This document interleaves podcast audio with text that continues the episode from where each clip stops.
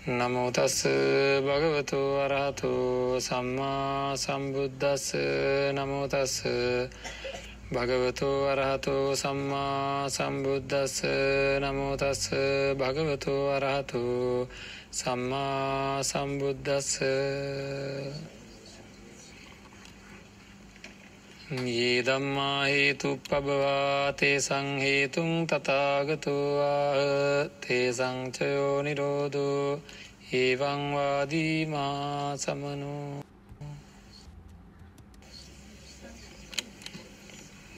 සද්ධාබුද්ධි සම්පන්න පින්නත්න සම්මා සම්බුදුරජාණන් වහන්සේ දේශනා කරපු ධර්මය අපේ ජීවිතයට එකතු කරගන්නේ නැතුව අපේ හිතෙන් ඒ ධර්මයට අදාළ සිතුවිලි නැගෙන්නේ නැතුව අපේ ජීවිතය සාර්ථක කරගණ්ඩ සසර සුවපත් කරගණ්ඩ උතුම් නිර්වාණ සාන්තියෙන් සැනසෙන්ඩ පුළුවන්කමක් ලැබෙන්නේ නෑ. අපේ ඇත්ත තත්ත්වය අපි අවබෝධ කරගත යුතුම තියෙනවා. ඒ සඳහා අපි ධර්මය ශ්‍රවණය කරන්න ඕනෑ ශ්‍රවණය කරපු ධර්මය ධාරණය කරගණ්ඩෝනෑ ධාරණය කරගෙන අපි ඒවා ප්‍රතිපත්තිය විදිහට තමන්ගේ ජීවිතයට එකතු කරගණ්ඩ ඕනේ. අපේ චින්තන විපර්යාසයක් සිද්ධ වෙන්ඩ ඕනේ. අපේ චින්තනය චින්තනය වෙනස් වෙන්ඩ ඕනේ. අන්න ඒ වෙනස් විය යුතු ස්වභාවය ඉබේ සිද්ධ වෙන්නේ නෑ ඒ සඳහා අපි අපේ චින්තනය වෙනස් වෙන්ඩ නං මොකද කරන්න ඕනෑ කියලා විමසල බලන්ඩ ඕනේ. පින්නත්න බුදුරජාණන් වහන්සේගේ දේශනාව පිළිබඳ අස්සජි මහරහතන් වහන්සේ මහා උදාන වාක්‍යයක් දේශනා කරනවා. උපතිස්ස පරිබ්‍රාජකයා අස්සජි මහරහතන් වහන්සේ දැක්ක වෙලාවේ මහා උත්තමයෙක් කියලා තේරුම් ගත්ත වෙලාවේ ඔබහන්සේ කවුද ඔබහන්සේකින් ඔබහන්සේගේ ගුරුවරයා කවුද ඒ ගුරුවරයා කිනම් වාදියෙක්ද කියලා හපු වෙලාවේ අස්සජි මහා රහතන් වහන්සේ ධර්මයෙන් සැනසීම ලබපුත්තමයණන් වහන්සේ නමක් විදියට ඒ දම්මා හේතු පබවා තේසං හේතුන් තතාගතුවාහ ඒ තතාගතයාණන් වහන්සේ උත්තමයණන් වහන්සේ ලොවෙහි හැමදේටම හේතුව දේශනා කරනවා. තේ සංචයෝ නිරෝධෝ ඒවංවාදීවා මහා සමනෝ. එහි නිරෝධයහි නැතිකිරීම දේශනා කරනවා කියලා. මෙ පමණකින් සෝවාන් පාලයට පත්වෙන උපතිස්ස පරිබ්‍රාජකයා. ඉතිං අපි මේක අපේ ජීවිතයට එකතු කරගෙනද කියලා බලාගණ්ඩුවනේ මේ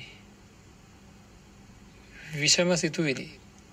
තමන්ට හානියක් වෙන අනුන්ට හානියක් වෙන දෙදෙනාටම හානියක් වෙන එක දෙපාර්ශයටම හානියක් වෙන දුක් වැඩි වෙන දුක් විපාක ඇති වෙන ලෝබදේශමෝහ වැඩි වෙන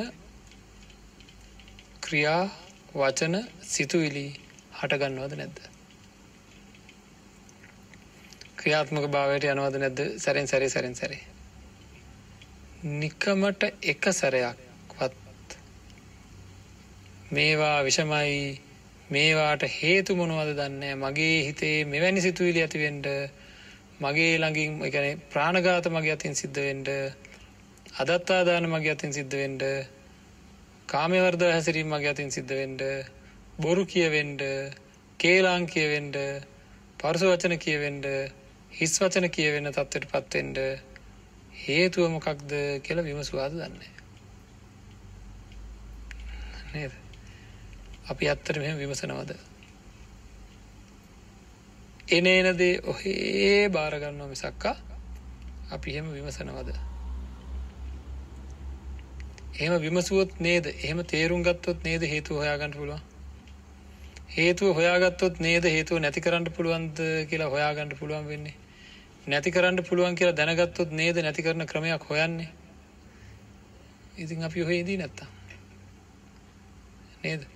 බුදුරජාණන් වහන්සේගේ ධර්මයේ තියෙන මහා ප්‍රතිබල සම්පන්න ධර්මතාවයන් අපේ මනසින් සකස්වෙන විදිට හදන්න පුළුව ආන්ගේ මනස සකස් කිරීමේ වැඩ පිළිවෙලට අපි අවතීරණ වෙන්නේ නෑ හිතන්න මේ ලෝකයේ කිසිම කෙනෙක් නෑ කියලද තමන්ගේ හිතේ කෙස් ධර්මයක් උපදිනකොට මේකට හේතුනේ මොකක්ද කියලා හොයන? හොය අර හරියට හර ඒක හොයන ආකාරයේ මනසිකාර උපදින අය මේ ලෝක මේනකොට නෑ කියලා හිතන්න? ඉන්න ඒක නැති කරන්න පුළුවන් කියලා සංඥා උපදින අය මේ ලෝක නෑ කියලා හිතන්නේ. ඒක නැතිකිරීමේ වැඩ පිළිවෙලක වහවහා යෙදෙන අය මේ ලෝක නෑ කියලා හිතන්නේ. ඒ ඇත්තෝ තුළ ඒක උපදින්ටත් මගේ තුළ එක නූපදින්ටත් හේතුව. ඒ ඇත්තෝ තුළ ඒක උපදින්ටත් මගේ තුළ ඒක නූපදින්ටත් හේතුවත් තිීන්ට ඕනද නැද්ද? ආං ඒවා හොයලා ඒවා සකස් කරගන්න ඕනෑ. එතකොට අපිට පුළුවන් අපි මේ වැටිලා තියෙන දුක්කිත ස්වභාවයෙන් අත විදෙන්ඩ නැත්තන් හැමදා මොකද? ඒ ඒ වෙලාවට ඒ ඒ වෙලාවට ඇති වෙන තත්ත්වයන් වලට తాවකාලික පිළියම් යොදනවා අපි. කවුරුහරි මට බයිනවා. බැන්නා මට තරහ යනවා. නැත්තම් දුක හිතෙනවා. දුක හිතුනේ ඇයි? හේතුව මොකද්ද? බැන්න එක. නේද? දැන් මම මොකද කරන්න හදන්නේ? බයිනකොට මට කියපු වචන වගේක් තියෙනවානේ. ඒ වචන ටික මම ඉක්මනට ඒ පැත්තට කතා කරලා මොකද කරන්න හදන්නේ? හරි ගස්සන්න හදන්නේ ඇයි මට මෙහෙම කිව්වේ? එහෙම කියන්න බෑ. හරි මම මෙහෙමයි. ආයෙ මෙහෙම කියනෝ නෙවෙයි. අර පැත්ත හදනකම්ම රණ්ඩු වෙලා හරි අර පැත්ත හදනකම්ම මේක ඇතුලේ දුක් උපදිනවා. නේද? එහෙනම් අපි හේතුව විදිහට දකින්නේ මොකද්ද? එහා පැත්තෙන් බැන්නනේ. නේද? ඒක වෙනස් කරා නම් හරි. තව හේතු තියනවද නැද්ද? ප්‍රබලම හේතුව මොකද්ද? තමන්ගේ සිතේ ඇති වෙච්ච වෙනස. නේද? ආන්ගේ හිත් වෙනස් වෙන්නේ ඇයි කියලා අපි හොයල බල්ලා.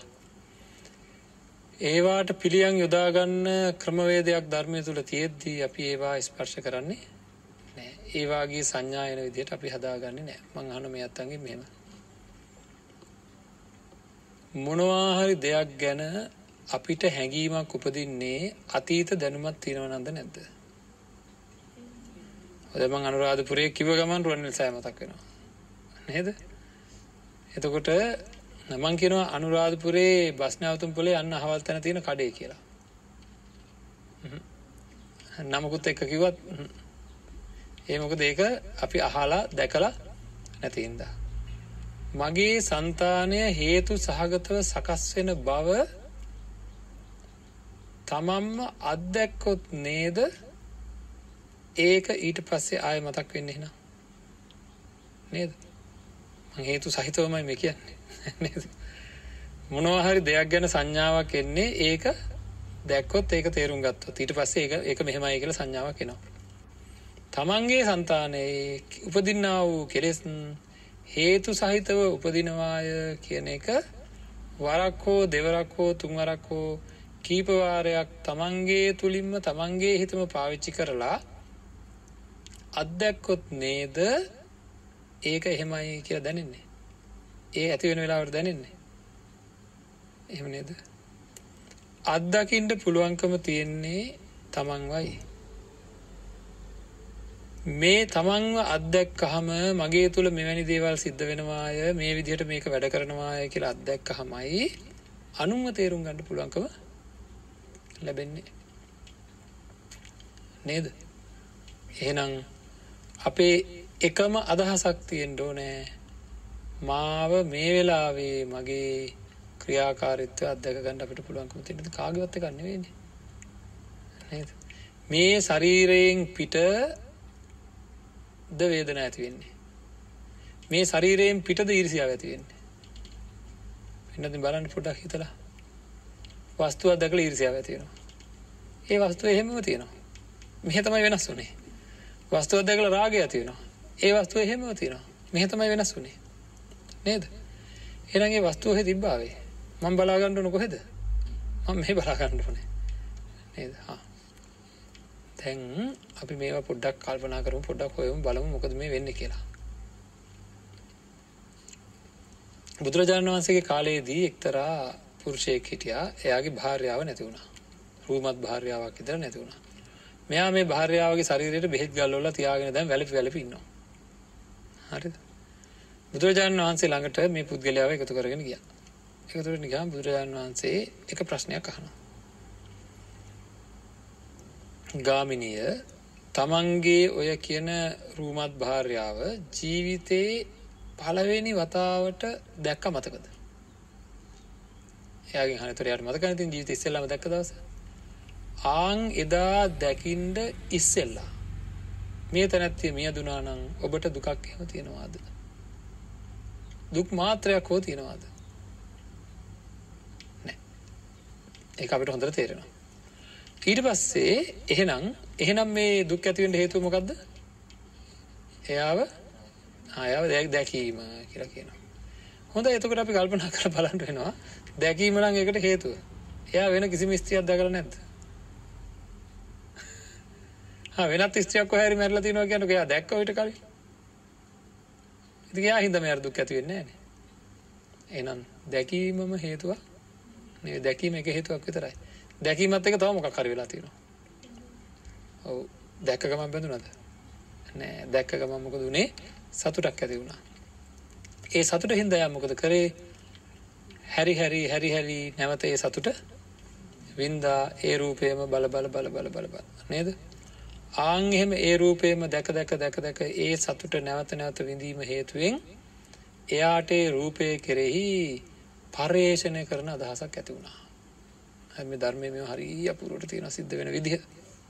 හරි පර්යේෂණය කියන මොකක්ද දැන් අපි දන්න හොඳටම අපිටම අපිටම බලන්ට ගලපගෙන මේ කියන දේවල් අපි ඔටික පසේ සාකච්ඡා කරන මට මේ වෙලාවේ යන්තම් කෙටියෙන් මත මතක් කරන්න ඕනේ.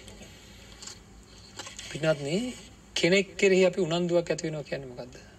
එයා කෙරේ එයාව දැක්කම සතුටක් ඇති වෙන හින්දා උනන්දුවක් ඇති වෙන්නේ. ඊට පස්සේ අපිට දැන් ඔන්න 100ක් විතර ඉන්න තැනකට අපි යනවා. හරිද? මෙයාත් එතන ඉන්නවා. දැන් මෙතන කියන්නකො මෙතන කවුරු හරි දැක්කම මට සතුටක් උපදින කෙනෙක් විශේෂ කෙනෙක් අතීතයේ දවසක් දෙකක් දැකලා තියෙන කෙනෙක් ඉන්නවා කියලා හිතන්නකො. දැන් මම බණ කියන ගමන් මොකද කරන්නේ? ආන් පරිශ්‍රණය කරනවා. මොකද කරන්නේ? හොයනවා හොයනවා නේද? හොයනවා නේද? ඒක තමයි ආම් බලන්න අපේ හිත හොයන තත්ත්වයටපත් වෙනවා. පරිශ්‍රණය කරන තත්ත්වයටපත් වෙනවා.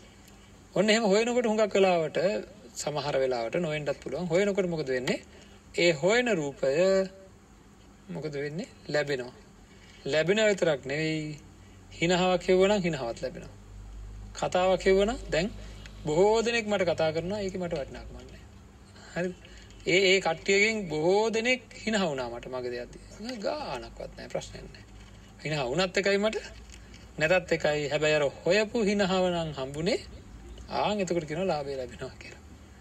එතකොට කියනවා ලාභය කියන තත්ත්වයට පත් වෙන උද්දාමයට පත් වෙනවා අපේ හිත. හරිද? ඔන්න එහෙම උද්දාමයට පත් වුණාට පස්සේ උපදිනවා කැමැත්ත. හරිද? ඔය විදිහට දිගින් දිගට මේ මෙතන තියෙන පියවර ගානක් ඒ පියවර අපි පසුව සාකච්ඡා කරනවා පසුව පටිච්චසම්පාදය ගැන සාකච්ඡා කරන වෙලාවේ. නමුත් මේ වෙලාවේ ඒක නෙවෙයි මට මේ කියා ගන්න ඕන වෙලා තියෙන්නේ. අර දුක් ඇති උනේ එවැනි ක්‍රියාදාමයක ප්‍රතිඵලයක් විදිහට නැද්ද? හේතු ඇතුවද නැද්ද? කෙටියෙන් කියනවා නම් ආශ්‍රය කරපු නිසාද නැද්ද? නේද? කැමැත්තෙන් ආදරයෙන් නැවත නැවත සැපවිඳීමේ අදහසින් සතුට උපදවා ගැනීමේ අදහසින් ආශ්‍රය කළා. එහෙම නේද? එහෙම තමයි මේක නැතුව බැරි තත්ත්වයට පත් වුණේ හරි. මන්ද මෙහෙම කියනවා. දැන් සතුටක් ඇති වෙච්ච එකට මේකට හේතුව. පළවෙනිම සතුටක් ඇති වෙච්ච එකනේ. ඇයි සතුටක් ඇති වුණේ හැම එකටම හේතු තියෙනවනේ. දැන් අපි දැන් දැන් ළමයෙක් තරුණ වීගෙන යනවා දැන් ළමයෙක් පිරිමි ළමයෙක් ඉන්නවා. අවුරුදු 19ක් 20ක් වෙනවා. තාත්තා යාව එක් කරගෙන ගිහලා පැත්ත කරන්න ගහලා උගන්වනවද? දැන් ස්ත්‍රී රූපයක් දැක්කම හිතේ සතුටක් ඇති කරගන්න. නේද? දැන් ඉතින් කලවයස හරි එහෙම සතුටක් ඇති කරගන්න ඕනේ නැත්තම් හරියන්නේ නැහැ කියලා උගන්වනවද? නෑ නෑ. ඒක සිද්ධ වෙනවා. ඉබේද? ඉබේද? හේතු අන්න හේතුතු මොනාද හේතු කියලා බලාගන්න ඕනේ. හරි අපි උත්පත්තිය ලැබුවේ පින්නත්නේ තන්හාව හේතු වෙලා. ඒ තන්හාව හේතු වෙනකොට ඒ හිතත් එක්ක අවිද්‍යාව මිශ්‍ර වෙලා තිවුණා ආන්ගේ අවිද්‍යා තන්හා ආදිය හින්දා මෙහි ඉපදුනා කර්ම හේතුවෙන්. ඒ ඉපදිච්ච හිත තන්හාාව සංසිදවාගණ්ඩ හදන ජාතියේ හිතා. මේ අත්තන්ට දැනිලාති සමහරය පොඩි කාලෙම දැන් තරුව කීපදනය කදපු අම්මලා හොඳර දන්නවා. සමහරය පොඩි කාලෙම තන්හාතිකද නැද පුංචි කාලෙම. නේද? කිරිටි අයින් කරවුනත් සමහර චූටි දරුව ඉන්න පුපුරණ ගතියක් තියෙනය නද? සමහරය සාන්ත වන්න ගතියක් තියෙන ඒ පුපුරණ ගතියක් තියෙන අසාන්ත ස්වභාවය චූටි කාලෙම විද්‍යාමාන වෙච්චාය ලොකුුණ හම නේද? ටිකක් ලොකු වෙනකොට රණ්ඩුවල්ලන ගත් වැඩි හැමදේම තමන්ට ලංකර ගණඩ හදන ගතිය වැඩි. තවල් ලොකෙනු ඉඩන් කඩන්වලට රණ්ඩුවල්ලන්න යාලමද නැද නේද? පොඩි කාලෙම සාන්ත භාවය පෙන්නුම් කරපු අය හඟක් වෙලාට ලොකෙනකොටත් එහෙමයි. එන උත්පත්තියෙන් එන ගතිගුණ වගේ අත්තිනවද නැත් ඒවට හේතු සංසාරික පුරුදු. හරිද? එනම් සසර ශරීර දැක ශරීර පිළිබඳ තන්හාාව ඉපදිලා හාරකෙක් වුණොත් එල දෙන්න හොයනවා. හරි නරියෙක් වුණොත් නරි දෙන්න හොයනවා. හරි හැම සතෙක්ම තවත් ශරීර හොයනවද නැද්ද? ඒවායින් සතුට උපදිනවා. කවුරුවත් කාටවත් කියලා දීලා නෙවෙයි සමහරලාට මේ ඇත්ත හොඳර දැකලා ඇති ගෙදර ගෙදර බැලලියක් ඉන්නවනම් බලල්ලු වටේට වෙල බලාගෙනන්නවා රෑලි වෙනකම් බලාගෙනන්නවා කොච්ච දුකක්ද බණ්ඩු විඳින්න. කවුරත් කියලා දීලද? නෑ ඇතුලාන්තයෙන් උපදින රූප තන්හා නේද? ස්පර්ශ තන්හා සත්තුන්ටත් තියෙන ඒවා. ආන්ගේ උපදින තන්හාාව හේතුකොට ගෙනයි අර මේ දේ සිද්ධ වුණේ ද මෙහ ඇවිල්ලත් මොකද? දැනුත් එහෙමයි නේද? දැ ඒ සතුට හින්දා සමහර වස්තුූන් මොකද වෙන්නේ? කවදාකවත් දැකර නැති කලින් කවදාකත් වෙන් කරගත්ත නැති සමහර වස්තු. ටික ටික ටික ටිකර ලාභය ලැබිලා පර්යේෂණය ලැබිලා ලාභය ලැබිලා මගේ අයි හැඟීම් ඇති වෙලා සටහම් පිරික්සලා නේද? මගේ වගේ කියලා අදහස් ඇති වෙනවා. ඉට පසේ නන්දිරාගේ ඇති වෙනවා. ඊට පස්සේ මසුරුකං ඇති වෙනවා. නේද? පරිග්‍රහ තම තදින් අල්ලා ගැනීම ඇති වෙනවා. මේ වස්තුව මගේ කියලා තදින් අල්ලා ගන්නවා. ඊට පස්සේ මසුරුක ඇති වෙනවා. කිසි කෙනෙකුට දෙන්නේ නැහැ කියලා. මේ හිත වෙනස් වෙන හැටි. ඊට පස්සේ රකින්න ඕන වෙනවා. නේද ඔය වගේ දිග වැඩ පිළිවෙලක් අපේ හිත වෙනස් වෙලා ගිහිල්ලා අන්තිමට රූප කෙරෙහිම සද්ද කෙරෙහිම ගන්ධ රස ස්පර්ශ ආදිය කෙරෙහිම දැඩි තණ්හාවක් අර තිබ්බ තණ්හාව වෙන් කරගත්ත කොටස් වෙනුවෙන් කරගත්ත තණ්හාවක්. ඒක තමයි අර ගාමිණී කියන පුද්ගලයාට උනේ. එයා ශරීරයකට වෙනම එයාට තිබ්බ පොදුවේ තිබ්බ රූප තණ්හාව එයා එක ශරීරයකට තද බල ලෙස ගොනු කරගත්තා. මේ දැන් එහෙම වෙලා නැද්ද දන්නේ දරු මුණුපුරු නේද? ස්වාමිවරු භාර්යාවරු වෙනත් අය. ඒ වගේ අපි එක ඒක මස් කොඩවල් වලට වෙන වෙනම හැලිලාද නැද්ද? එනම් ඒක හේතු ඇතුවද නැතුවද වෙලා තියන්නේ? මූලික හේතුවත් තියෙනවා. ඒ තමයි අවිද්‍යා මිශ්‍රිත තන්හාාව ඕක තියාගත්තොත් මේ සසර නවතින්නේ නෑ. අරමංකිව වගේ හා වෙලා මිය වෙලා ඉබ වෙලා කුකුල වෙලා නරි වෙලා නේද? එල දෙනගේ වැඩෙත් මොකද කවද හොයන්නේ? පැටියවයි හොයන්නේ. පැටියගේ වැඩෙත් මොකද කවද හොයන්නේ? අම්මවයි හොයන්නේ. ඉතින් මේ සංසාරගත බන්ධනය මේ වේගය මේ ඇතුලාන්ත කැරකිල්ල නවත්වා ගණ්ඩ පුළුවන්කමත් තියෙන වෙලා කම්බුණොත් නැවැත්වේ නැත්තං ඒ බැඳීම් හින්දම අන්න අය මරන්ඩ පවා පුළුවන්. ඔය එක රූපයකට බැඳීමෙන් වෙනදේ බලන්ඩ එද කීපයකට බැඳීමෙන් වෙන්නේ ඕන වැරද්ද කරන්න ඇති. සමාර ඇත්තෝ කියනවා ඉතින් උපදෙස්තුනහම ඔය වැරද්ද කරන්න එපාගවනෑ මං මේ දේ ලබා ගැනීම සඳහා ඕන දෙයක් කරන්න ලැස්ති. අතර අපි කෙන අපායන්න පුළුවන්. යනාපාය ගැන්න පස්සෙනේ එතකොට එක බලාගන්න කියනවද නැද්ද එහෙම? නේද? එමුද ඒ තරම් ප්‍රබලයි. ඒ තරම්ම ප්‍රබලයි පස්සේ ඒවා බලාගන්න ඒවා වෙන දෙයක් උනද මටනේ වෙන්නේ. හාමුදුරින්ට පැත්තට වෙලා. නේද? අම්මා ඉන්න පැත්තකට වෙලා. අම්මට වැඩක් නැහැ මටනේ වෙන්නේ. වෙන දෙයක් මට උනද එහෙම කියනවද නැද්ද සමහර අය? නේද? එහෙම කියවෙන තත්ත්වයට එන්නේ අර තියෙන උපාදානය ප්‍රබලම ඔක්කොම අමතක වෙනවා. අන්තිමට ප්‍රතිඵල එනකොට කරගන්න දෙයක් නෑ ඉතින් ඔය තත්ත්වයට ඔය කියන තත්ත්වයට අපි ඔක්කොම පොදු තත්ත්වයක ඉන්නවද නැද්ද? ආංඒක වෙනස් කරගණ්ඩ පුළුවන් අවස්ථාවක් උදා වෙලා තියෙනවා. හරි ඇයි හැම එක්කටම හේතුව දෙසනා කරලා තියෙන හින්දා? ඔය සතුට ඇතිවෙන ඔය තන්හාාවට හේතුව මොකක්ද කියලා බලන්ඩෝන පොඩ්ඩක් කල්පනා කරලා. හරි? මට මෙහෙම කියන්න. මේ ශරීරයක් ගත්තාම පින්නත්න්නේ කේස මත්තකේ ඉඳල නැත මේ කෙස් මුදුනේ ඉඳලා පාදාන්තය දක්වා තියෙන්නේ සුව හොඳ පිරිසිදු ඉතාම හොඳ හොඳම දේවල්ලින්ද හැදිලා තියෙන්නේ. දත් මුතුවලින් හැදිලා හරි ඒ වගේ හරි ඒ වගේ හරි ලස්සන ඒවද තියෙන්නේ. නෑ කොහොමද තත්තේ එද හරි සුවඳද? නෑ. හැඩතල කොහොමද මේ ශරීරයක උඩ ඉදම් පහත දක්වාම තියෙන්නේ? නොඒකුත් අපි හිතමුක අපි අර මේ කොට කෑම විකුණු තැනක වැඩ කරන්න කියලා. හරි ආං ඒ වගේ තැනක වැඩ කරනවා නම් අනිත් අයි ඇවිල්ලා කෑමක් කිල්ලපුහම කොහොමද දෙන්න වෙන්නේ? අතින් අල්ලලාද? අතින් අල්ලා දුන්නොත් හෙමොකද වෙන්නේ? අනිත් කට්ටිය කැමතිනේ අපේ අතවදිනවටත් කට්ටිය කැමතිනෑ ඉතින් අපි මොකද කරන්නේ? නේද? කඩදාසියකුත් තියලා යකට හැඳකින් අල්ලා දෙන්නේ. යකට හොඳයි ඔය අතට වැඩි. අල්ලන්න එහෙම නෑ ඕකෙන් නේද? ඒ තරම් අප්‍රසන්නයි අනිත් අයට මේ ශරීර. මේවා අප්‍රසන්න ශරීර දුගන්ධ ශරීර ඉතා පිළිකුල් ශරීර. හරි. මෙන්න මේ පිළිකුල් ශරීර කෙරෙහි ප්‍රසන්නයි ප්‍රියයි සුන්දරයි කියලා හැඟීම් ඇතිවෙන්නේ ඇයි? ආං අකුසලය හේතුවෙන් මේ පිළිකුල වැහිලා යනවා. හරිද? පිළිකුල වැහිලා යනවා. අවිද්‍යාව හින්දා සතුට උපදිනවා. දන්නේ නැතිකම හින්දා සිහිය නැතිකම හින්දා සතුට උපදිනවා. හරිද? මේක හොඳටම හොයා ගන්න ඕන ප්‍රකට කාරණාවක්. මේ බලන්න පින්නත්නේ යම් කිසි පුද්ගලයෙක් අසත්පුරුසයි කියලා හිතන්නකෝ. අසත්පුරුෂ පුද්ගලයා ගැන මම දන්නේ නෑ අසත්පුරුසයි කියලා. පැහැදිලිව අසත්පුරුෂ කෙනෙක් යා. ලෝකයේ ඇත්ත වශයෙන් එයා අසත්පුරුෂ කෙනෙක් කියලා හිතන්නකෝ. මේ අසත්පුරුෂ කෙනා ගැන මම දන්නේ නෑ කොහොමවත්ම මගේ මගේ දැනීමේ හැටියට මගේ දැනීමේ හැටියට. මගේ නොදැනීම තමයි මං හිතාගන්න එයා සත්පුරුසයෙක් කියලා. හරිද? එයාව අරමුණු වෙනකොට එයාව දකිනකොට මට පහළ වෙන්නෙම සත්පුරුසයෙක් කියන අදහස.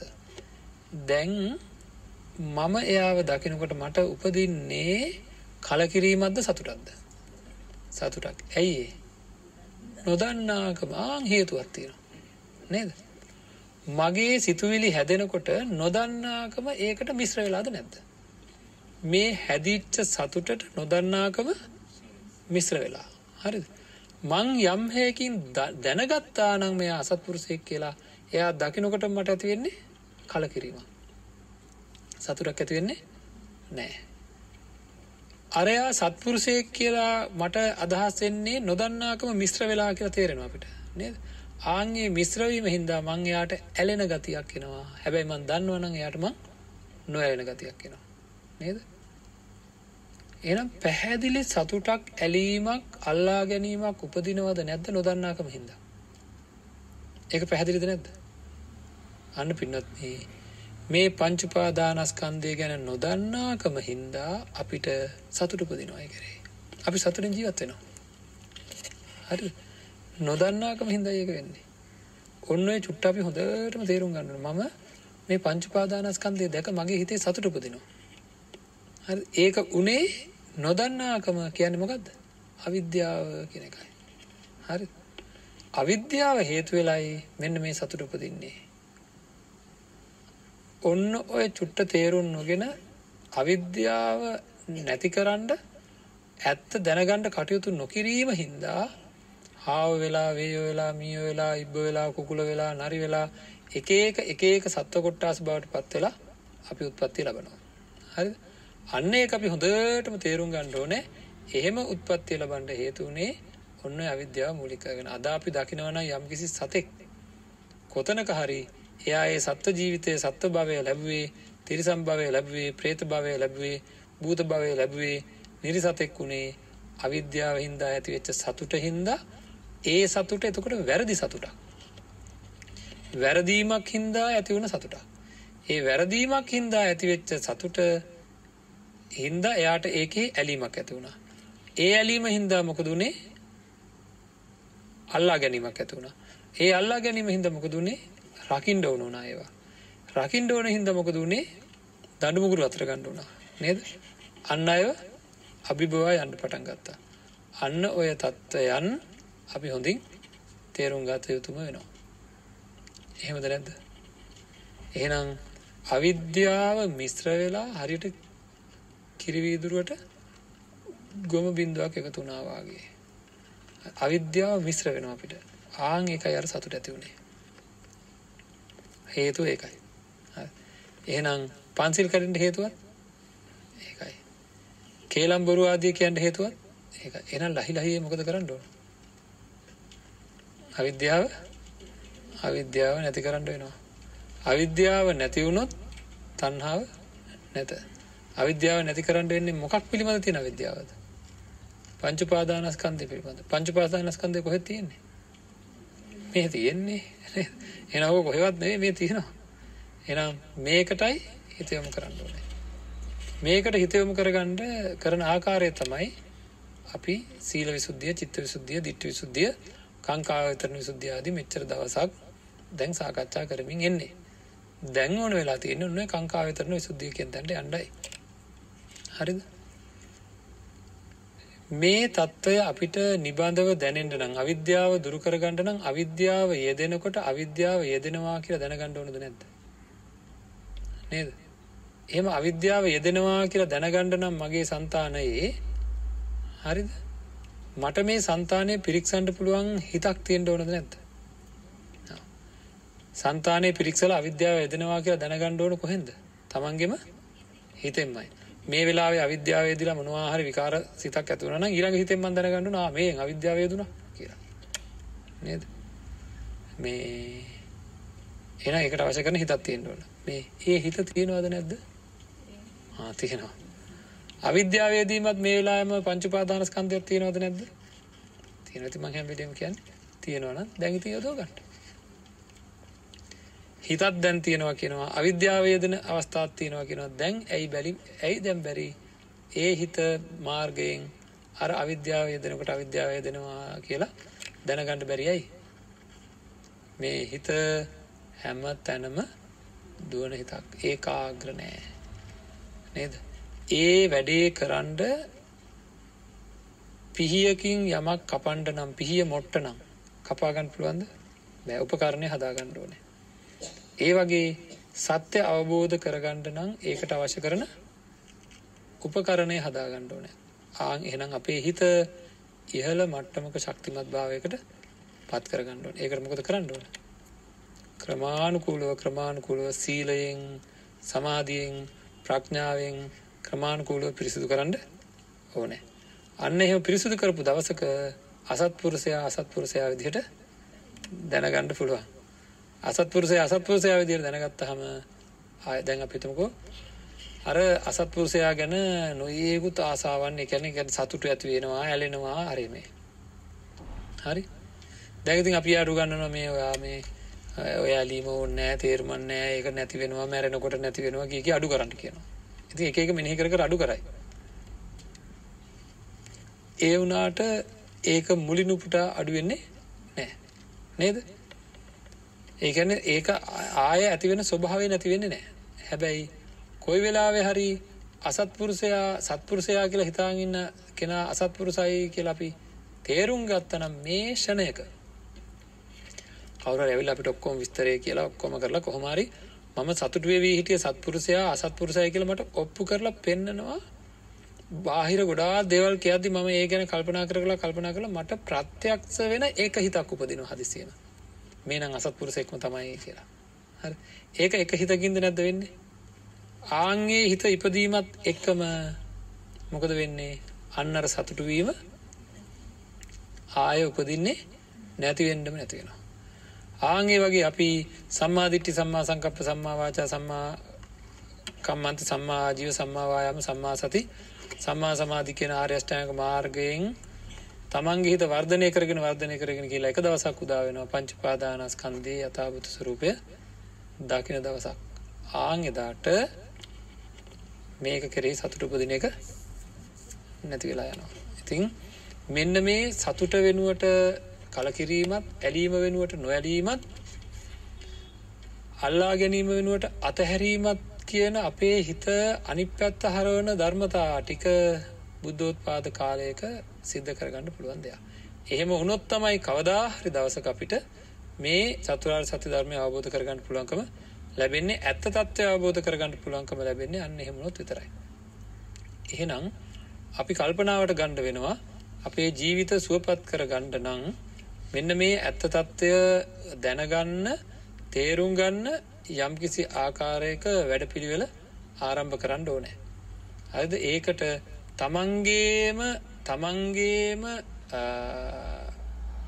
චිත්ත පරම්පරාවට තමන්ම සමවදින් ඩෝනෑ. තමන්ගේම චිත්ත පරම්පරාවට නාම පරම්පරාවට තමන්ම සමවැද ගණ්ඩෝනෑ ඒ සඳහා හා තමයි සීල විසුද්ධිය චිත්ත විසුද්ධිය දිට්ට විසුද්ධිය කංකාවිතරණ විසුද්ධිය ආදී විසුද්ධීන් සම්පාධනය කරගතයුතු තියෙන්. ඉතින් ඒකින්ද අපි හිමීන් සැරේ මේ තත්ත්වයට පත්වෙන්ඩ අවශ්‍ය කරන වැඩ පිළිවෙල ඇතිකරගණ්ඩ නාමරූප පරිච්චේද කරගෙන මේ තියෙන ඇත්ත තත්ත්වයෙහි මේ කලකිරීම් සහගත තත්ත්වය ඇතිකරගණ්ඩ පංචුපාදානස්කන්දය කෙරෙහි කලකිරීම් සහගත තත්ත්වය ඇතිකරගණ්ඩ අවශ්‍ය කරන විදර්ශනාවන් සිද්ධ කරන්න පුළුවන් හිතක් ඇතිකරගණ්ඩ ඕනෑ. හරි ඉතින් බොහෝ දේවල් තේරුම් ගණ්ඩ ඕනෑ. මට මගේ උපදින කෙලෙස් පිළිබඳ හේතු මගේ සිතෙන්ම නැగిලා එන්න ඕනේ. මගේ හිතේ උපදින කෙලෙස් පිළිබඳව හේතු තේරෙන හිතක් මගේ సంతානේ හැදෙන්න ඕනේ. ඉතින් මේ සඳහා වෙහෙසෙන්න ඕනද නැද්ද? නේද නැත්තම් හැමදාම මොකද වෙන්නේ? මේක මහා ඛේද වාචකයක් වෙනවා. ඛේද වාචකයක් කියන්නේ මොකක්ද දන්නවද? නැති සතුටක්. ඒ කියන්නේ නිවැරදි නැති සතුටක. නිවැරදි නැති සතුටක අපි හිර වෙලා. නේද? ඒක වැරදීමක්. ඇයි අර අවිද්‍යාව හින්දා ඇතිවන්නා වූ සතුට. ඒ කියන්නේ වැරදි සතුට. දැන් දැන් මේ බලන්නකෝ අර මං ගොඩ වැරදි කරගන්නවා අර අසත්පුරුෂයා හින්දා ඇතිවෙන සතුට. අසත්පුරුෂයා හින්දා ඇතිවෙන සතුට නිවැරදි සතුටක්ද? නෑ ඒක වැරදි සතුටක්. අන්න ඒ වැරදි සතුට හින්දා මං අපාය යනවා. මං ඉක්මනට නිවැරදි ඒක නිවැරදි කරගන්න එක ගොඩාක් වටිනවද නැද්ද කියලා කල්පනා කරලා ඒක නිවැරදි කරන වැඩපිළිවෙල ඉස්සෙල්ලාම තේරෙන්න ඕනේ Tamanට. අපිට අපේ හිත ගැන කිසිදු විශ්වාසයක් තියන්න බෑ මොකද අපේ හිත ක්‍රියාත්මක වෙන්නේ දන්න දැනුම හැටියට විතරයි. ඒ දන්න දැනුමේ සීමාවෙන් අපේ හිත නවතිනවද නැද්ද? හැම වෙලෙම අපේ මනස අපි දන්න දැනුමේ ඕනම විශේෂත්වයක් ගන්නකො. දැන් අපිට කෙනෙක් කියනවා ද්‍රවිඩ භාෂාවෙන් කතා කරන්න කියලා. ඉතින් මට චූ ද්‍රවිඩ පුංචි දරුවෙක් කතා කරන ගානටවත් කතා කරගන්න බෑ හිර වෙනවා මාව. ඇයි දන්න දැනුම අනුව නේද? ඒ වගේ කුසල් අකුසල් පිළිබඳ මගේ දන්නා වූ දැනුම අනුව තමයි දැනුම තිබුණොත් තමයි ඒවා හේතු වෙලා මට ඒව හඳුනා ගන්න පුළුවන් වෙන්නේ. එහෙනම් ඉස්සෙල්ලා මොකද කරන්න ඕනේ මේ ධර්මය අවබෝධ කරගන්න? කුසල අකුසල් පිළිබඳ අහගන්න ඕනේ. අහගන්න මොකද කරන්න ඕනේ? ධර්මය ශ්‍රවණය කරන්න ඕනේ. එතකොට ද්‍රවිඩ භාෂාව කායෙන් හරි අහගන්නවා. අහගෙන විතරක් හිටියට හරියයිද? හොඳට මතක හිටින්න ඕනේ. නේද? එහෙනම් දැනගත්ත ධර්මය ධාරණය කරගන්න ඕනේ. නේද? දැන් මේ නිවන් මාර්ග ධර්ම දේශනාවේ මම හිතන්නේ 83 දැන් කොච්චර මතක තියෙන්න ඕනද එහෙනම් මේ වෙනකොට? නේද? ධර්ම දේශනා 83ක් මම ශ්‍රවණය කරා මොනවද මතක කියලා අනිත් පැත්ත හැල්ල බලන්න ඕනේ. හරි ධාරණය කරගන්න ඕනේ. ධාරණය කරගත්ත ධර්මය තමන්ගේ ජීවිතේට එකතු කරගන්න ඕනේ, ගලප ගන්න ඕනේ. ඒ ක්‍රියාත්මක භාවයේ යෙදෙන්න ඕනේ. එහෙම නැත්නම් මේ අවශ්‍ය කරන විදිහට තමන් බොහෝ කුසලයන් ලොකු ලොකු කුසලයන් අකුසලයන් දැනගත් අය සියුම් සියුම් කුසලයන් අකුසලයන් පිළිබඳ දැනගන්න ඊට පස්සේ පුළුවන් වෙනවා තමන්ගේ උපදින. තමන්ගේ අතුලාන්තයෙන් උපදින කාමච්ඡන්දාදිය තමන්ගේ අතුලාන්තයෙන් උපදින ව්‍යාපාදාදිය තමන්ගේ අතුලාන්තයෙන් උපදින තීන මිද්ද ඒ වගේ මේ තියෙන හිත ඇකිලෙන ගති මොකවත් අඳුරගන්න බැරුව. අපි ඒවා මත්තේම නැහි නැහි නැහි නැහි ඉන්නවා. ඒවා වෙනස් කරගන්න අවශ්‍ය කරන ධර්මතා යෙදවෙන හිතක්. හරි හේතු දන්නා සිතක් තමන්ට ඇතිවීමෙන් හේතු දන්නා සිතක් තමන්ට ඇතිවීමෙන් හේතු නොදන්නා කෙනාගේ ඇතිවන්නා වූ අකුසලයන් හේතු දන්නා කෙනාගේ ඇතිවෙනවාද හරි දැන් මේ මේ අකුසලය සිද්ධ වෙන්ඩ හේතුව මේකයි හේතුව මේකයි කියලා තමන්ගේම හිත තමන්ට කියන්න පටන් ගත්ත ඕක තමයි මේක වෙන්නේ ඕක තමයි මේක වෙන්නේ ඕක තමයි මේක නැති කරන ක්‍රමය කියලා අපිට කියන්න ගත්තොත්. අකුසල් ඇති වෙනකොට අපේ හිතම අපිට කියනවනම් මේකයි මේකට හේතුව කියලා ඒ අකුසල් වලින් අපේ හිත පිරිසුදු වෙන්න තියෙන ඉඩකඩ වැඩිද නැද්ද?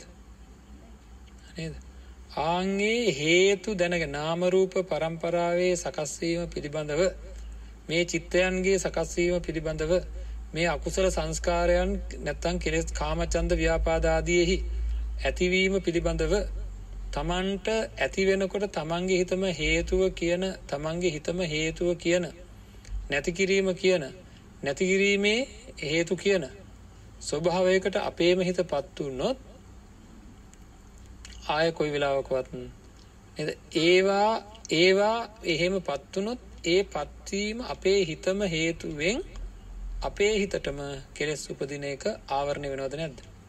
හිත පිරිසිදු වෙනවද නැද්ද?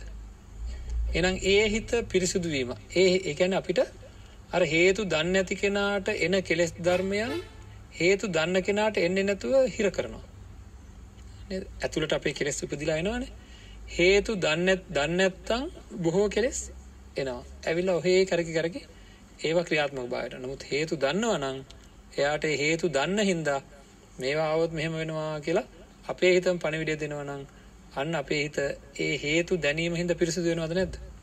ආංගේ පිරිසිදු භාවයට කියනවා කංකා විතරන විසුද්ධිය කියලා. හරිද? ඒකැන් මේ ඒ තකොට මේ නාමරූප පිළිබඳව සැකයක් නෑ. හේතු දන්න හේතු නාමරූප පිළිබඳ හේතු දන්න අතීත වර්තමාන අනාගත හේතු දන්නා වූ නුවන හේතු දන්නා වූ නුවන හින්දා අපිට මොකද වෙන්නේ? අන්න ඒ නොයෙකුත් කෙස් ධර්මයන් එන්නතු මේ හිත පිරිසිදු වෙනවා. අන්න ඒකහින්දා ඒ ඒක කරගණ්ඩ මොකක්ද කරන්න ඕනෑ? ඉස්සෙල්ලා හොඳින් අපි කලින් සාකච්ඡා කරා වගේ දිට්ටි විසුද්ධියට පත්වෙලා නාමරූපයන්ගේ ඇතිවීම නැතිවීම පිළිබඳ එහි හට ගැනීම පිළිබඳව එවැනි ලක්ෂණයන්ගෙන් යුක්ත බව තමන්ගේ මනසින් අත්දකින්න ඕනෑ. ඒකට කියන දිට්ටි විසුද්ධිය කියලා. එහෙම තත්වකට පත්වන රස මේ මොකක්ද මේ ධාරාව? මේ මගේ මම කියලා ගත්ත ධාරාවක් මෙතන තියෙන ගැලීම. මොකක්ද මම කියන ගත්ත ගැලීම? නාම සහ රූප. නාම රූප ගලනයක් තමයි මම කියලා මම අරන්තියෙන් දැ මේක ගුලියක් විදිර අරගෙන මේ මම මේ අහවලාගේ හිටිය අය භාවනාවෙන් තමන්ගේ හිත පිරිසිදු කරගෙන ඉස්සරහට ගිහාම මොකක්ද වෙන්න? යට නාමරූප වෙනම දැනෙන තේරෙන වෙන් වෙලා හැඟීම උපදින. කෙන කෙනෙක්ව දැක්කම අම්මතාත්ත සහෝදරය කියන හැඟීම තියෙනවා. නමුත් ඒ ඒ හැඟීම හඳුනා ගැනීම තියෙනවා. නමුත් ඒ හඳුනා ගැනීම නාමරූප පරම්පරාවක් විදිහට දැනෙනවා. හරිද? එතකොට දැන් ඊට පසුව පසුව මොකද වෙන්නේ? මේ දැනීම මේ දැනීම අනුව මේ මෙතන මේ වගේ කාමච්ඡන්දයක් ඉපදුනා මේකට හේතුනේ මේකයි. ආන් අපේ අම්මා තුල මේ වගේ ව්‍යාපාදයක් ඉපදුනා. ඒ කියන්නේ අම්මාගේ චිත්ත පරම්පරාව තුල මේ වගේ ව්‍යාපාද සහගත තත්ත්වයක් උදා වෙලා තියෙනවා. මේකට හේතුව මේකයි කියලා හේතුව දන්නා වූ නුවණක් ඇතනම් හරිද? ආන්ගේ හේතුව දන්නා හේතුවත් එක්කම හැඟීම් පහළ වෙන ස්වභාවයක්. කෙනෙක් තුළ ඇති වෙනවා ඒ කොයි එක මාත්‍රීය අඩුපාඩුවක් නැතුව. අතීත වර්තමාන අනාගත වසයෙන් තමන්ගේ අනුන්ගේ වසයෙන් මේ සියලු හේතුත් එක්ක මේ ලෝකය දැනෙන ගතියකට පත්වනොත් කෙනෙක්.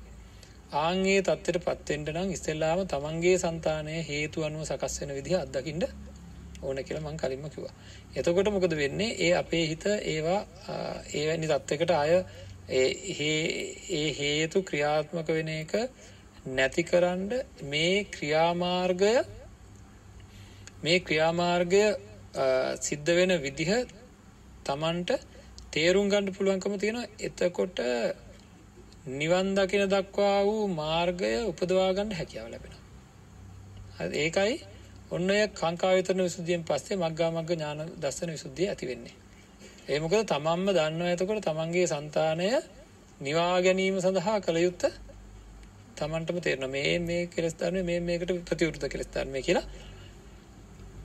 ඒ කියන්නේ මේක ඇතුළෙන් වෙන්න ඕන එකක්. අපි අහලා තියෙනව නේද? අපි ඊළඟ දවසක සාකච්ඡා කරමු. යෝනිසෝ මනසිකාරය කියන්නේ මොකක්ද කියලා නිවන් දකින්න ඕන කරන මනසිකාරය තමයි යෝනිසෝ මනසිකාරය. එතකොට මේ යෝනිසෝ මනසිකාරය කියන්නේ තමන්වම තමන්ව පාලනය කරන අපි කෙලෙස් වලට අදන් ගියත් අපේ මනසිකාරයමයි. ඒක ඒ ඒ මනසිකාරය අයෝනිසෝ වෙච්ච හින්දා. මේ උපකරණයම යෝනිසෝ වෙලා. දැන් එයා ඉක්මනට ඉක්මනට මට කියනවා ඔක නාම රූප පරම්පරාවක් ඔකට හේතුව මේකයි ඔය තරහට හේතුව මේකයි මේ අහවලාගේ තරහට හේතුව මේකයි හරි මේ කියලා කියනවා ඉතින් අන්න ඒ මටම මගේම හිත මටම කියන ස්වභාවයකට පත් වුනහම හේතුත් එක්ක එහෙම වුණොත් නේද අපිට ඒක හදා ගන්න පුළුවන් තත්ත්වෙටපත් වෙන්නේ. ඉතින් අන්න ඒ தත්ත්වෙටපත් වෙන්න අපි මොකද්ද කරන්න ඕනේ? බුදුරජාන් වහන්සේ අපිට පටිච්ච සමුප්පාද ධර්මය දේශනා කරලා තියෙනවා. ආන්ගේ පටිච්ච සමුප්පන්න ධර්මය හොඳින් මෙනෙහි කරන්න ඕනේ. හොඳින් විමසන්න ඕනේ. විමසනවා කිව්ව ගමන් අපි මොකද කරන්නේ? ඕක කටපාඩම් කරගන්නවා. අවිද්‍යාව පත්‍ය සංඛාර සංඛාර පත්‍ය විඥාන විඥාන පත්‍ය නාම රූප නාම රූප පත්‍ය සලආයතන සලආයතන පත්‍ය පස්සෝ පසපච්චා වේදනාව ඉතින් උන් හරි 1යි 2යි අනුලෝමයි ප්‍රතිලෝමයි මං කිව්වා 108ක් කිව්වා 216ක් කිව්වා කිය කී ඉතින් කිව්වා ඒ කියන එකෙන් විශාල ප්‍රයෝජනයක් තියෙනවා පින්වත්නි අවිද්‍යා පත්‍ය සංඛාරා කියලා කියනකොට එතකොට ඔය පියවලිම යනවා අවිද්‍යා පත්‍ය තණ්හා වෙනව නේද? නේද? මං කියන්නේ අවිද්‍යාව තණ්හාවට හේතු වෙනවා. අන්න ඒක කියනකොට අපි දැන් සාකච්ඡා කරපු කරුණත් මතක තිබ්බා. අවිද්‍යාව හින්දා මේ තණ්හාව ඇතුනේ කියලා. ආන් ඒ වගේ ගැඹුරු හැඟීමක් ඇති වෙනවා අවිද්‍යාව හින්දායි මේ පුණ්‍යාභි අපුණ්‍යාභි සංස්කාරය. ඒක දැනෙන්න ඕනේ. අවිද්‍යාව යෙදෙනකොට පුණ්‍යාභි අපුණ්‍යාභි ආනෙන්ජාභි සංස්කාරයන් ඇති වෙනවා. හරි ඒක මේ මොහොතේම සිද්ධ වෙන දෙයක් විදියට. Tamanට හැඟීමකුයි උපදින්න ඕනේ. හරිද? හේතු අනුව සිද්ධ වෙන බව හැඟීමක් විදිහට උපදින්න ඕනේ. මම ඊයේත් මතක් කරපු උදාහරණය මොකද්ද? ගින්දරක් දකිනකොටම අපිට හැඟීමක් උපදිනවා. මේක භයානක දෙයක්. මේක අර කොළ හින්දා හුළං හින්දා වියලි දර හින්දා හටගන්න එකක් මේක නිවන්ඩ පුළුවන් මේක නිවන මාර්ගයක් තියෙනවා කියලා හතරම එකවර හැඟීමක් විදිහට උපදිනවද නැද්ද නැත්නම් අපි ගින්දරක් දැක්කම මේ ගින්දර කියන්නේ හේතුඵල ධමයක්. අපි සාකච්ඡා කරන දෙහා පැත්තෙන් භයානක ගින්දරක් වෙනකොට අපි කට්ටිය එකතු වෙලා ගින්දර හේතුඵල ධමයක් මේ මොනවද හේතු හොයමු බලමු පොත් පෙරලමු කියලා එහෙම එකක් නැහැ. නේද? ඒවා කලින් භාවිතා කරලා තියෙන හින්දා ගින්දර භාවිතා කරලා තියෙන හින්දා අපිට ඒකේ නිවීම තේරෙනවා. ඒ වගේ මාත්‍රයක් හරි තේරුම් ගන්න උත්සාහ කරමු අපි. නේද? මේ හේතු දක්නා වූ නුවණ කවදා හරි පාදා ගන්න ඕනේ. අපේ හිතට හේතු දැනෙන නුවණ. ඒ සඳහා පටිච්චසම්පාද ධර්මය ප්‍රගුණ කරන්න ඕනේ. ඒක වචන ටිකක් නෙවෙයි හේතු සහගතව සිද්ධ වෙන බව මෙනෙහි කරන්න ඕනේ. ඒකින්ද අපි ඉදිරියේදී මේ සඳහා සම්මාදිට්ඨිය ආදී සූත්‍රවල තියෙන වාර 16 සාකච්ඡා කරන්න බලාපොරොත්තු වෙනවා. මේක හින්දා මේක වෙනවා මේක හින්දා මේක වෙනවා කියලා තේරුම් ගැනීම සඳහා කාංකා විතරන විසුද්ධිය ඇති කරගෙන සඳහා. ඒ මොනවා කරත් අපි ප්‍රායෝගිකව මේ ධර්මය තමන්ගේ ජීවිතයට එකතු කරගන්න සීලාදී ගුණධර්ම හොඳින් වර්ධනය කරගන්න ඕනේ නැත්නම් හැමදාම වෙන වෙන අය ගිය මාර්ගයයි. හරිද හරක් ගිය මාර්ගයේ ඌරෝ ගිය මාර්ගයේ නේද? වේයෝ ගිය මාර්ගයේ අපිත් යයි ඒකින්ද බොහොම පරිස්සමෙන් සසර සූපත් කරගන්න වැඩ පිළිවෙලට අවතීර්ණ වෙන්න ඕනේ. තමනුත් යහපතේ යෙදිලා අන් අයවත් යහපතේ යොදවා ගන්න ඕනේ කියන පරමාදහසින් බාහුබලය යොදලා හරියම්බ කරගත්ත ධනෙ වේ පහදම් කරලා මේ ඇත්තෝ මේ මේ ධර්ම දේශනාවට දායකත්වයේ සැපෙව්වා. ඒ ධර්ම දානමය පුණ්‍ය කර්මයක් සිද්ධ කරගත්තා. ඒ දායකත්වයේ හේතුවෙන් ධර්මයේ ශ්‍රවණය වෙච්ච කිසියම් කෙනෙක් හෝ කොතැනක හෝ තමන්ගේ සිත කය වචනේ සංවර කරගන්න වාරයක් වාරයක් ගානේ මේ අත්තන්ට බොහෝ පින් රැස් වෙනවා. ඉතින් බොහෝ පින්ලාභී මේ පින්නත් ඇත්තන් වෙනුවෙන් අපි ප්‍රාර්ථනා කරනවා තම තමන්ට චතුරාර්ය සත්‍ය ධර්මය අවබෝධ වීම සඳහා මේ උතුම් පින්කම හේතු වේවා කියලා ප්‍රාර්ථනා කරනවා.